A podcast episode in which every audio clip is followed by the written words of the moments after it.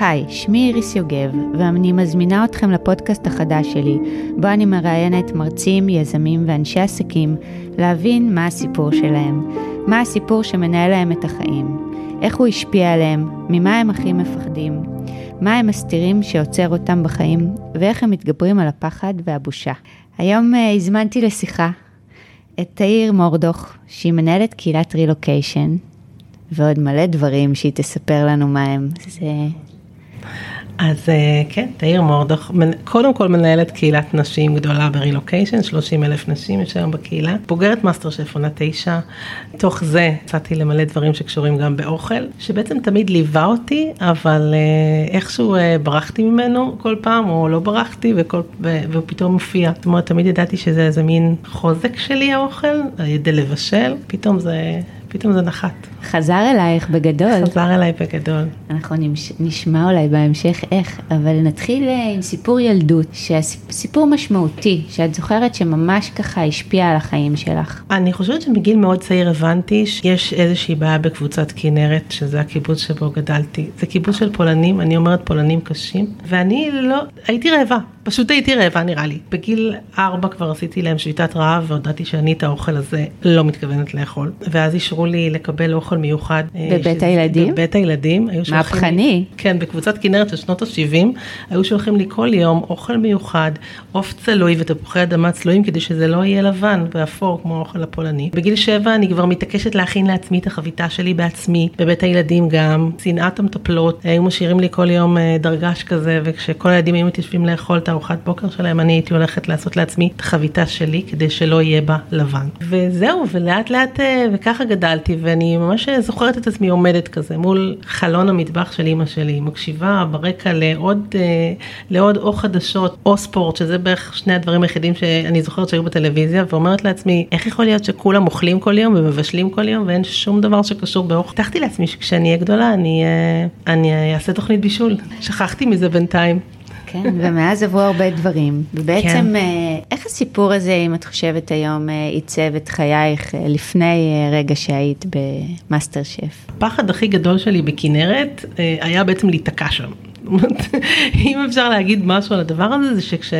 אף אחד, האנשים לא מתחלפים, הדברים לא משתנים, ואותי זה תמיד נורא נורא הפחיד. ואני חושבת שהפחד הזה מלהיות אותו דבר, לקבל את האוכל ההוא, אותו דבר כמו כולם, לעשות כמו כולם, ולהיות סוג של תקועה במרכאות, סלחו לי כל הקיבוצניקים במקום אחד. הנה, הנה עכשיו צברתי מלא שונאים קיבוצניקים, אה, אבל... אנחנו אוהבים קיבוצניקים. אבל, כן, אנחנו אוהבים קיבוצניקים. פשוט לך זה יצר איזשהו פשוט... פחד אה, להיתקע שם? ממש, פחד להיתקע, שדברים לא יזוזו, שדברים יהיו אותו דבר. ואני חושבת שהפחד הזה, הוא, הוא כנראה מנהל את חיי, והוביל אותי אה, למלא מלא מקומות אה, מעניינים לגור בהם ולחיות בהם ולעשות. תספרי לנו על אה, דבר אחד משמעותי ומעניין וקיצוני שהוא הוביל אותך לעשות, הפחד הזה. אני חושבת שמגיל נורא נורא צעיר אני מנהלת רשימות. רשימות של מה? רשימות של הכל, של מה אני רוצה לעשות, של דברים שאני רוצה להשיג, של חלומות, של דברים ש... שהם גדולים ואין לי מושג איך עוד, עוד להשיג אותם. היא דוגמה ל... חלום ברשימה שהשגת? כמובן שחלום הרילוקיישן, בגיל 14 אה, אבא שלי קיבל אה, הצעה, לנסוע ללמד אה, בגואטמלה לגדל בננות. ואני אמרתי לעצמי, הנה, הנה הרגע הזה, הנה יוצאים מפה, הולכים למשהו אחר, הולך להיות קיץ ולא חורף, הולך להיות uh, כיף ואנשים אחרים. וממש כמה חודשים, כמה שבועות לפני הרילוקיישן שלה, שלו, זה לא קרה, זה, הייתה שם איזו הפיכה ו, וזה בוטל. הרילוקיישן נכנס uh, ישר uh, לראש הרשימה. ידעתי בוודאות שאני uh, אחיה את חיי חלק מהזמן בחו"ל. היה לי ברור שהילדים שלי יהיו ילדי העולם הגדול. היה לי חלום להכיר עיר אחת בעולם כאילו, כמו כנרת, כאילו זה הבית שלי, להסתובב בה, כאילו זה הבית שלי. אז תספרי על עיר אחת שהגעת אליה.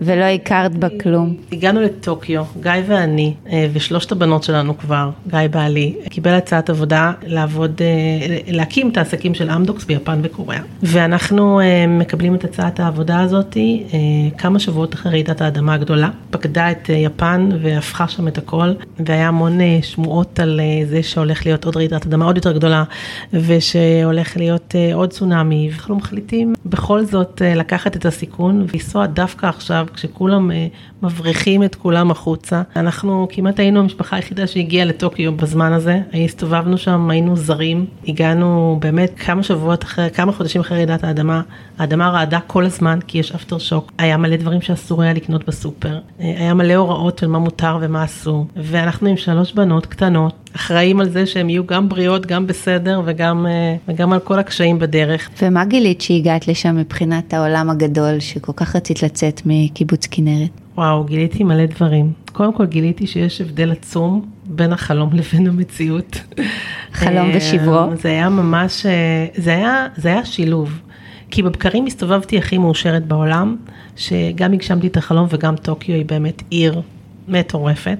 אבל באחרי הצהריים ובערבים גיליתי שאני המון לבד והמון וגיא לא נמצא המון, ו, ורק אני עם שלוש בנות, ואין משפחה, ואין uh, חברים, ו, וזהו, ודי uh, די לבד, וגם השארתי מאחוריי uh, המון דברים, השארתי את הקריירה שלי, הייתי סמנכ"לית HR בחברות הייטק, השארתי את הזהות שלי, את הבית שרק בנינו, את החברים, את המשפחה, הכל, והייתי צריכה לבנות בעצם את הכל מחדש. היה רגע שרצית לחזור בך מהחלום? ברור, היה רגע, היה הרגע הכי מפחיד, אני חושבת, זה היה הרגע שבו גיא ישב אחרי איזה שלושה שבועות שהיינו שם, הוא הסתכל עליי ואמר לי, אם הייתי יודע שזה כל כך קשה, בחיים לא הייתי, היינו עושים את זה. ואני כאילו אמרתי לעצמי, או oh, שיט, כאילו אם גיא, הבן אדם הכי חזק והכי כאילו, שהכל קטן עליו, אומר כזה דבר, הלך עלינו. מה, מה, היה, מה היה כל כך קשה? כאילו, תני לי איזה שתי דוגמאות לרגעים קשים שאת מוצאת עצמך שם, ספציפית? זה התחיל ממש אה, עם הנחיתה שלנו, אנחנו נחתנו בטוקיו, 11 וחצי בלילה, יום שבת. טוקיו הייתה חשוכה לגמרי בגלל שלא היה חשמל בגלל רעידת אדמה. עלינו לקומה ה-38 שבו הייתה, היה הבית שלנו, והיינו רעבים מאוד כי לא אכלנו בטיסה ואנחנו עם שלוש בנות והן כולם, שלושתן רעבות ואנחנו מחליטים ללכת לחפש למטה אוכל. טוקיו ביום אה, שבת אה, בערב באזור הזה הכל סגור, ואנחנו פשוט מסתובבים ומחפשים מה לאכול עם שלוש בנות, ומסתכלים אחד על השני במין, מה באמת חשבנו לעצמנו, איזה חוסר אחריות להביא לפה שלוש בנות קטנות, ושאנחנו לא מכירים פה כלום. ארוחת הערב הראשונה שלנו בטוקיו הסתיימה בשלוש מנות, שלוש מנות של מנה חמה, שמצאנו ב-7-11 בטוקיו, שהוא לא דומה לשום דבר מ-7-11 שאנחנו מכירים בעולם. כי גם הוא שונה והכל שונה. ותחושת הזרות, אני לעולם לא נראה לי אשכח את הרגע הזה ואת התחושה העמוקה של הזרות אה, שהייתה לנו. איך התגברתם עליה? מה שנקרא באמת באמת לאט לאט, זאת אומרת לאט לאט אתה ברילוקיישן אתה צריך להבין קודם כל שאני חושבת שבכל שינוי אתה צריך להבין שמדובר בתהליך בעצם ואתה סוג של אה, צריך לתת לתהליך לקרות ולא להיבהל. היום כשאני מלווה משפחות ברילוקיישן ומנחה אני, אני קודם כל אומרת להם תזכרו מדובר בתהליך. אני גם זוכרת את הרגע הזה שפתאום הסתובבתי בטוקיו והסתכלתי מסביב, והיו רק יפנים, ואני אמרתי לעצמי, זה הבית שלי. לגמרי הבית שלי. אה, עד היום טוקיו היא הבית שלי, אני נוחתת שם קבוע עם דמעות בעיניים, אני מבקרת שם כל שנה מאז, לפחות mm. פעם אחת בשנה. אה, אני אכן מכירה את טוקיו כמו את כף ידי, אפילו חשבתי בשלב מסוים להדריך תיירים בטוקיו, אה, אבל היה לי, זה רק, היה לי, הייתה לי הגדרה מאוד ברורה, רק אוכל וסטייל, לא שום דבר. תרבותי אחר. לא שום דבר אחר. והמעבר לסינגפור? המעבר לסינגפור הוא, הוא, בא מתוך עוד, אה, הוא בא מתוך עוד רשימת חלומות. אה, אה, אוקיי, שמה היא כללה? באותו, באותה ילדות שבה היינו אמורים לעבור לגואטמלה, אחד הדברים שהכי שנאתי זה היה חורף. ואמרתי לעצמי כשהייתי קטנה, יום אחד, כשאני אהיה גדולה, אני אגור בעיר שאין בה, במקום שאין בו, שיש בו כל השנה קיץ. חודשים הראשונים, אחרי איזה שלושה ארבעה חודשים בטוקיו, נסענו לביקור בסינגפור, אני, רק אני ונועם ועופרי, רק אני ונועם ועופרי הגדולות. וחזרתי משם ואמרתי לגיא, תקשיב, יש שם 32 אה, מעלות כל השנה, כולם מסתובבים שם כל הזמן אה, בבריכות, זה נראה לי, עשינו טעות, היינו צריכים לנסוע לסינגפור. אז אמרתי לו, אז תקשיב, אני עדיין לא רוצה סינגפור, אני, כאילו אני אחכה, אבל אחרי שלוש שנים בטוקיו, באחת מפגישותינו שאנחנו מנהלים, גיא ואני, של תוכניותינו לאן, אמרתי לו, עכשיו, עכשיו סינגפור. ואמדוקס לא ידעו וגיא לא ידע, אבל אני כבר ידעתי, אנחנו בשנה הבאה מתחילים את השנה בסינגפור, וכך היה. הגענו לסינגפור, ושוב, צריך להצ... אחד, ה... אחד האתגרים ברילוקיישן, אתה כל הזמן צריך להמציא את עצמך מחדש. אתה כל הזמן צריך לעשות רפרש להכל. ושם בעצם הקמת את הקבוצה? בטוקיו היה לי עסק, אה, בש... אחרי השנה הראשונה שהסתובבתי לי וחיפשתי מה לעשות עם עצמי, אז uh, הקמתי בעצם עסק של סדנאות בישול, ולימדתי גם את היפניות וגם את הזרות להכין אוכל ים תיכוני. בעצם הנה, הנה אחת הפעמים ש... שהאוכל uh, ממש הציל אותי. כי להסתובב בכמה שנים ולא לעשות כלום זה לא הייתה אופציה מבחינתי. סביב השולחן הזה התקבצו כל הזמן נשים ועלו המון המון המון סיפורים של רילוקיישן ושל קשיים ושל אתגרים מכל העולם. ועם הסיפורים האלה בעצם באתי, הגעתי לסינגפור והבנתי שצריך uh, לאחד את כל הנשים האלה לאיזושהי קבוצה, יוכלו לעזור פשוט אחת לשנייה. כשהמחשבה שלי הייתה שאני בעצם מנחה אותם איך לפתוח עסקים ולזוז וליזום ולעשות דברים תוך כדי שהם ברילוקיישן, אבל מהר מאוד הבנתי שזה רק חלק אחד בסיפור ויש עוד מלא מלא אתגרים שצריך לטפל בהם. זהו, יש היום אה, שתי קהילות כאלה, אחת בעברית ואחת באנגלית, יש בהם ביחד משהו כמו 80 אלף נשים ב-80 מדינות בעולם. זה, אני קוראת לזה קהילה מצילת חיים. זה מצילת חיים, מצילת משפחות, זו קהילה מדהימה. ואז אה, אני עושה רגע מעבר, את חוזרת פתאום לארץ. שוב באחת מ... מהשיחות של תוכניותינו לאן, גיא ואני בעצם מבינים שנועם ועופרי כבר עוד מעט בנות 16, ואם לא נחזיר אותם עכשיו לארץ בעצם נחזור בלעדיהן. כי אחת התחילה לדבר על לימודים באמריקה, ואחת התחילה לדבר על לימודים באירופה, ואנחנו גרנו בסינגפור, והבנו שאנחנו עוד שנייה אה, משפחה עם, אה, שגרה בשלוש אה, יבשות שונות. ה vision הזה פחות התאים לי, משהו ב... משהו במשפחה נורא נורא מתאחד ברילוקיישן, ולא ראיתי איך זה מתפרק לנו בין הידיים כשכל אחת נוסעת בעצם למקום משלה. והאימהות שלנו מאוד חולות שתיהן, וחשבנו שזה זמן אה, מתאים לחזור. זה דיון, זה דיון כל הדבר הזה של לחזור, זה אחד, אחד הפחדים, אפרופו פחד, זה אולי הפחד הכי גדול, לחזור לישראל, שיא הפחד עבור, עבור רוב מי שגר בחו"ל. מה, מה הפחיד אותך כל כך בלחזור לארץ, מעבר לידיעה שצריך לחזור וחשוב לשמור על המשפחה והקשר עם ההורים שמזדקנים? זה לוותר כאילו, זה, זה, זה, זה כמה דברים, אחד זה לוותר כמעט על כל מה שאתה מכיר וכבר יודע וכיף לך בו.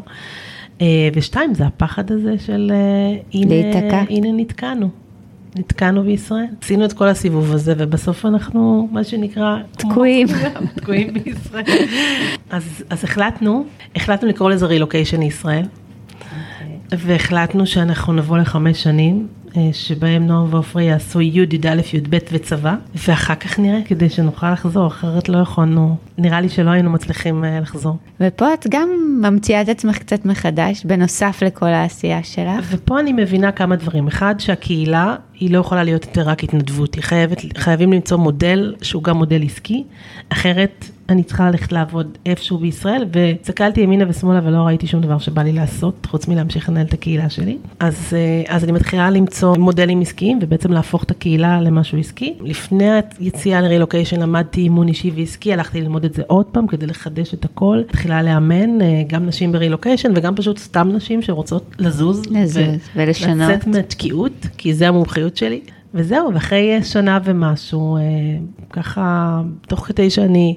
העסק כבר עובד והוא מצליח והכל. אה, יושבת יום אחד אה, נועם, שאנחנו מכנים אותה דיבה על הספה בסלון, ואומרת לי, אמא, נפתחו המבחנים למאסטר שף. אמרתי לה, נו, יופי, מהמם, ואיך זה קשור אליי? אז היא אומרת לי, השנה את הולכת למאסטר שף. אמרתי לה, אה, נועם, את יודעת שאנחנו יושבות תמיד בטל... מול הטלוויזיה ואין לי רעיונות, אז כאילו, מה נעשה עם זה עכשיו? וחוץ מזה, כבר התחילה הקורונה, וכולם רוצים לעשות, ללכת למאסטר שף, כי, כי כאילו אף אחד לא רוצה להיות בבית, אז כבר עדיף להיות במאסטר שף. והיא התעקשה, אז היא אמרה, אני אמלא את זה לבד. אולי תתקבלי. וננהל את זה מכאן. תראה, בסדר, כל זמן שאני לא צריכה לטפל בזה בכלל, ולא צריכה לבזבז בזה בכלל את הזמן, אני אה, מסכימה. זהו, והיא אה, מילאה את הטופס, וזה לקח אה, רבע שעה, אולי 20 דקות עד שהיה את הטלפון. היי, זאת עלמה ממאסטר שף, אנחנו רוצים לזמן אותך למבחנים של, לאודישנים הראשונים. ואני כאילו יושבת מול נועם ועושה לה כזה סימנים של אני הולכת להרוג אותך, אין לי זמן לזה, ומה תקעת לי את הדבר הזה עכשיו? ככה, בצורה הזאת אני מגיעה למבחנים של מאסטר שף. מספרת להם כמה קשה לחזור לארץ, כמה הבנות לא מפסיקות לבכות, כמה קשה לנו פה. אומרת לי אה, דורית, שהיא המפיקה הראשית, שהיא הייתה הבוחנת שלי באודישן, היא אומרת לי, בסדר, אז ניקח אותך למאסטר שף, אז הבנות שלך יהיו נורא נורא מאושרות, אה, ואז הם, ואז הם ירגישו אה, בבית בישראל, ויאללה, בואי, בסדר. כאילו, ואז אה, זה באותו... מתקבלת. באותו ערב... באותו אני בעצם עוברת כל מיני שלבים של ראיונות, עדיין בהלם, כי כשיצאתי מהבית אמרתי לנועם, אני, אני הולכת לאיזה רבע שעה, זה ממש קרוב פה הביתה, אני כבר חוזרת. ויצאתי באיזה ארבע אחר הצהריים וחזרתי באיזה 11 בלילה, עם חוזה ביד, אני לא קוראת חוזים, נתתי אותו, אותו לגיא, אמרתי לו, כך זה החוזה שכנראה לעולם לא תרצה לחתום עליו, כי זה תמיד מין חוזים כאלה שאף אחד לא רוצה לחתום עליהם, ונראה לי שסיימנו, נראה לי שמיצינו. מה הפחיד אותך כל כך? זה כבר לא להיות תקועה. קודם כל זה לא היה באף רשימת חלומות. זה היה ברשימת הילדה בחלון, שרצתה כן. לעשות תוכניות טלוויזיה. האמת שבתוך כדי האודישן, כשהיא שאלה אותי, אה, דורית, למה אני פה? אז אמרתי לה, את יודעת מה, אני אספר לך איזה סיפור, והוא סיפור די הזוי. פעם עמדתי מול חלון בגיל שמונה בקבוצת כנרת ואמרתי לעצמי שיום אחד אני אעשה משהו שקשור באוכל ותוכנית אוכל אז אולי בגלל זה התגלגלתי לפה כי אחרת אין לי שום הסבר אחר לתת לך. והיא אמרה לי אבל את נראית נורא עסוקה כי כאילו כבר אמרתי לה נכון אני, אני נורא נורא עסוקה אז בסדר אז לא נראה לי שזה מתאים אז כאילו אז נראה לי שמיצינו. ככה עברתי את כל השלבים של מאסטר שף כי בעצם כל שלב אני בעצם אומרת לגיא ולבנות נראה לי מיצינו נראה לי מיצינו כאילו הבנו. אבל משהו שם הפחיד אותך מה הפחיד אותך? החשיפה, אני יש לי פחד קהל, אז קהל. לא היה לי שום רצון בעולם להיכשל מול כל עם ישראל. למה? כי מה זה אומר? לא יודעת, זה קצת פומבי, כאילו, אה, זה קצת כזה, זה, וחוץ מזה שהכי הכי מפחיד אותי, שהטלוויזיה משמינה חמישה קילו, ואלוהים ישמור איך אני אראה. זה באמת הפחיד אותי, גם הייתי משגעת את הצלמים. כן, זה כל הדברים שהפחידו אותי, הפחידו אותי מלא דברים, לא, כאילו, והפחיד אותי לזוז אה, למשהו שאני לגמרי לא מכירה, והפחיד אותי שזה יוציא אותי מהמסלול שכבר הייתי בו. ומאסטר שף זה מפחיד, זה לחץ. זה חשיפה זה כאילו חשיפה, זה חשיפה אישית, זה לספר את הסיפור שלך ושל המשפחה שלך ושל החוויות שלך, ו, וזה לבשל לארבעה שפים שמבינים באוכל, וכאילו, ואני זה, ואוכל זה תחביב. אמנם תחביב מאוד אהוב, אבל תחביב. כן, כבר עשית שם, אה, קפצת מדרגה. ומה גילית? איך זה היום, אחרי, רגע אחרי, עם כל הפחדים? וואו, גיליתי מלא דברים. קודם כל גיליתי שאני נורא אוהבת טלוויזיה, נורא נוח לי בטלוויזיה. אז אין לך כזה פחד קהל. אה, לא יודעת, אולי כשהקהל אה, מולי, את זה עוד נצטרך לבחון בקרוב. גיליתי, גיליתי מלא דברים. קודם כל, היה, זאת חוויה מדהימה, מאסטר שף, זה, זה כאילו, זה, זה לונה פארק אה, מטורף. מה, באיזה מובן? אנחנו צוחקים שזה הקייטנה של המבוגרים, של, קייטנת הקורונה של המבוגרים. תחרות, ריגושים, סכסוכים? תחרות, ריגושים. אני מראש הגדרתי לעצמי שאין מצב שאני אהיה בסכסוך עם מישהו, זאת אומרת, זה, זה לא יקרה, זאת אומרת, זה, זה מבחינתי דוחה תחרות, מה שנקרא, זאת אומרת, זה לא יקרה. לא יקרה שלמישהו אין מנה ואני לא אתן לו משהו שיעזור לו להכין אותה, לא יקרה פשוט, זה לא... את לא נכנסת. אני לא, מראש היה ברור שאני שם לא משחקת גם, גם במחיר של זה שאני לא אגיע עד הסוף וזה. אבל גיליתי שם מלא, קודם כל שיש לי מלא כוח, שאני מאוד אוהבת אנשים. זה ידעתי, אבל זה כאילו הדגיש לי שאני מאוד אוהבת לבשל, יותר ממה ש... חשבת? יותר ממה שחשבתי, שקל לי, שאני בן אדם נורא יעיל, כאילו, שבסוף אני נורא יעילה. מה, לא ידעת שאת יעילה? לא ידעתי שאני יעילה ככה, אבל בעיקר, בעיקר, לא ידעתי שאני מבשלת ככה. זה, זה אני חושבת מה ש... מה שהכי מדהים ב, ביום שלי. זה סגירת מעגל כן. מהקיבוץ הפולני עם חדר אוכל אה, אפור. אבל גם הייתי מאוד מאוד אה, קשה להם לפעמים, זאת אומרת, אני חושבת שאחד הדברים היפים שאייל אה, אמר לי ביום שהודחתי, הוא אמר לי, אני אף פעם לא ראיתי שף שמביא את כל העולם ואין לו, הוא חופשי לגמרי, אוכל שהוא רוצה, כי הוא היה בעולם וכי הוא לא קשור לאף עדה במיוחד ולא לא מחויב לשום דבר. ואני אמרתי להם בתשובה ש... שלאורך כל התוכנית התנגן לי, התנגן לי בראש השיר והוא בכלל לא ידע שהוא כזה. כי באמת לא, לא נראה לי שידעתי שאני מבשלת בצורה הזאת של כאילו ככה. הייתה זכות גדולה אה, להיות, קודם כל זו זכות גדולה להיות בכזאת תוכנית. ואת עושה משהו היום עם הבישול? מלא דברים, אז זהו, זה פתח, אה, עולם. אני, היום, היום אני בעצם מחלקת את זמני בין ניהול הקהילה, כל מה שקשור בייעוץ ובדברים שקשורים בקהילה וברילוקיישן, לבין uh, עולם שלם של אוכל. Uh, יש לי אינסטגרם מאוד מאוד פעיל, uh, תיכנסו, אתם חייבים, שעושה לאנשים חשק לבשל, אבל לא רק. המטרה שלי בעצם באינסטגרם שלי זה להראות את החיים בתזוזה. את המשפחה שלי, את, את הסטייל וחו"ל ואוכל ומסעדות בארץ ובעולם. זה בעצם נתן לך כוח להיחשף יותר? גרם לך אה, להסכים להיות יותר חשופה בחוץ, ברשתות, בלספר על עצמך? נראה לי שכן. זה גם, לא יודעת, זה נתן לי איזה חופ... אני, איזה, זה נתן לי איזה חופש. עוד, עוד דרגה של חופש אה, מאסטר שף נתן לי. איך? תסבירי לי. מה, מה שם אה, פתאום משתחרר לך? אה, קודם כל, מאסטר שף מביא אליך, לפחות אליי, המון, המון אנשים שניגשים אליך כל הזמן ואומרים לך כמה הם אוהבים אותך. איזה מגניב זה, כאילו, אתה מסתובב בעולם ומלא אנשים באים ומספרים לך כמה הם אוהבים אותך. הם לא מכירים אותך לגמרי, אבל כאילו מה שהם מכירים, די אוהבים, שזה חמוד. אז אה, מביא מלא אנרגיות של אהבה. בעצם כזה מוריד לגמרי את כל הדאגה מאוכל. אני יכולה... לבשל, אני יכולה גם לא לבשל, אני יכולה לעשות מה שבא לי, אני יכולה לבשל מה שבא לי. הבנות שלי הן נורא נורא פיקיות באוכל, אז הרבה פעמים שיש להם איזה בעיה עם אוכל, אני אומרת להם, אני ממש מצטערת, אבל עליי אמרו השופטים שאני יודעת לבשל ממש ממש טוב. אני אפילו קיבלתי סינר זהב, כל מי שיש לו תלונות על אוכל מוזמן לצאת מהבית, אני לא חייבת שום דבר לאף אחד יותר. אז זה נתן לי כזה, לא יודעת, סוג של לך ביטחון, אה, אישור אולי. אישור. כן, גם תמיד שהייתי מבשלת ארוחות ותמיד הייתי, אני תמיד מזמינה ומארחת, אז תמיד אנשים היו יוצאים וכאילו הם אומרים וואי היה נורא טעים וזה, והייתי אומרת לגיא, לך תדע, היה להם טעים, לא טעים, אולי הם יוצאים החוצה ואומרים לעצמם, בסדר, זאתי גם כן, כאילו, מה הביאה כאן, לא הבנו. אז uh, היום אני יודעת שהם יוצאים, אם הם אומרים שהיה טעים, כנראה שהיה טעים. קיבלת גושפנקה כן, מקצועית, כן, מהשפים אה, המובילים במדינת אה, ישראל. קיבלתי חופש מקצועי לעשות מה שבא לי. ואני עושה בזה מלא דברים, שיתופי פעולה עם uh, חברות. השאיפה שלי היא באמת לצאת בהרצאה, היא ללכת, לנסוע לחו"ל ולספר על מקומות ומסעדות, וגם את הסיפורים של נשים ברילוקיישן. אז את עדיין פוחדת להיתקע? ברור, תמיד אני פוחדת להיתקע.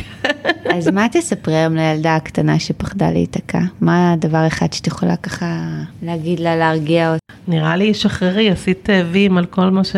כל מה שהיה ברשימות. אפשר... אה, אפשר לנוח. אפשר לנוח. מה מפחיד בלנוח? וואי, בדיוק השבוע אמרתי לגיא, תקשיב, היה לי חלום, נראה לי שאנחנו תקועים בישראל כבר יותר מדי זמן, אנחנו חייבים להתחיל לחשוב איך מחלקים את החיים שלנו. לא, לנוח זה לא, זה לא, לא אופציה. אני כל הזמן מסתכלת מה היעדים הבאים. טוב, אז uh, אני מאחלת לך להמשיך uh, לחלום ולהגשים, ולעשות כן. רשימות uh, עם גיא, ביחד ולחוד. כן. ולגלות uh, עולמות מופלאים. תודה. תודה שבאת. תודה רבה שהאזנתם לנו. אתם יכולים להאזין לנו בכל האפליקציות של הפודקאסטים, אפל פודקאסט, ספוטיפיי פודקאסט וגוגל פודקאסט. תחפשו פשוט מה הסיפור שלך עם איריס יוגב. מוזמנים לבקר באתר שלי או בדף פייסבוק של לצאת לאור.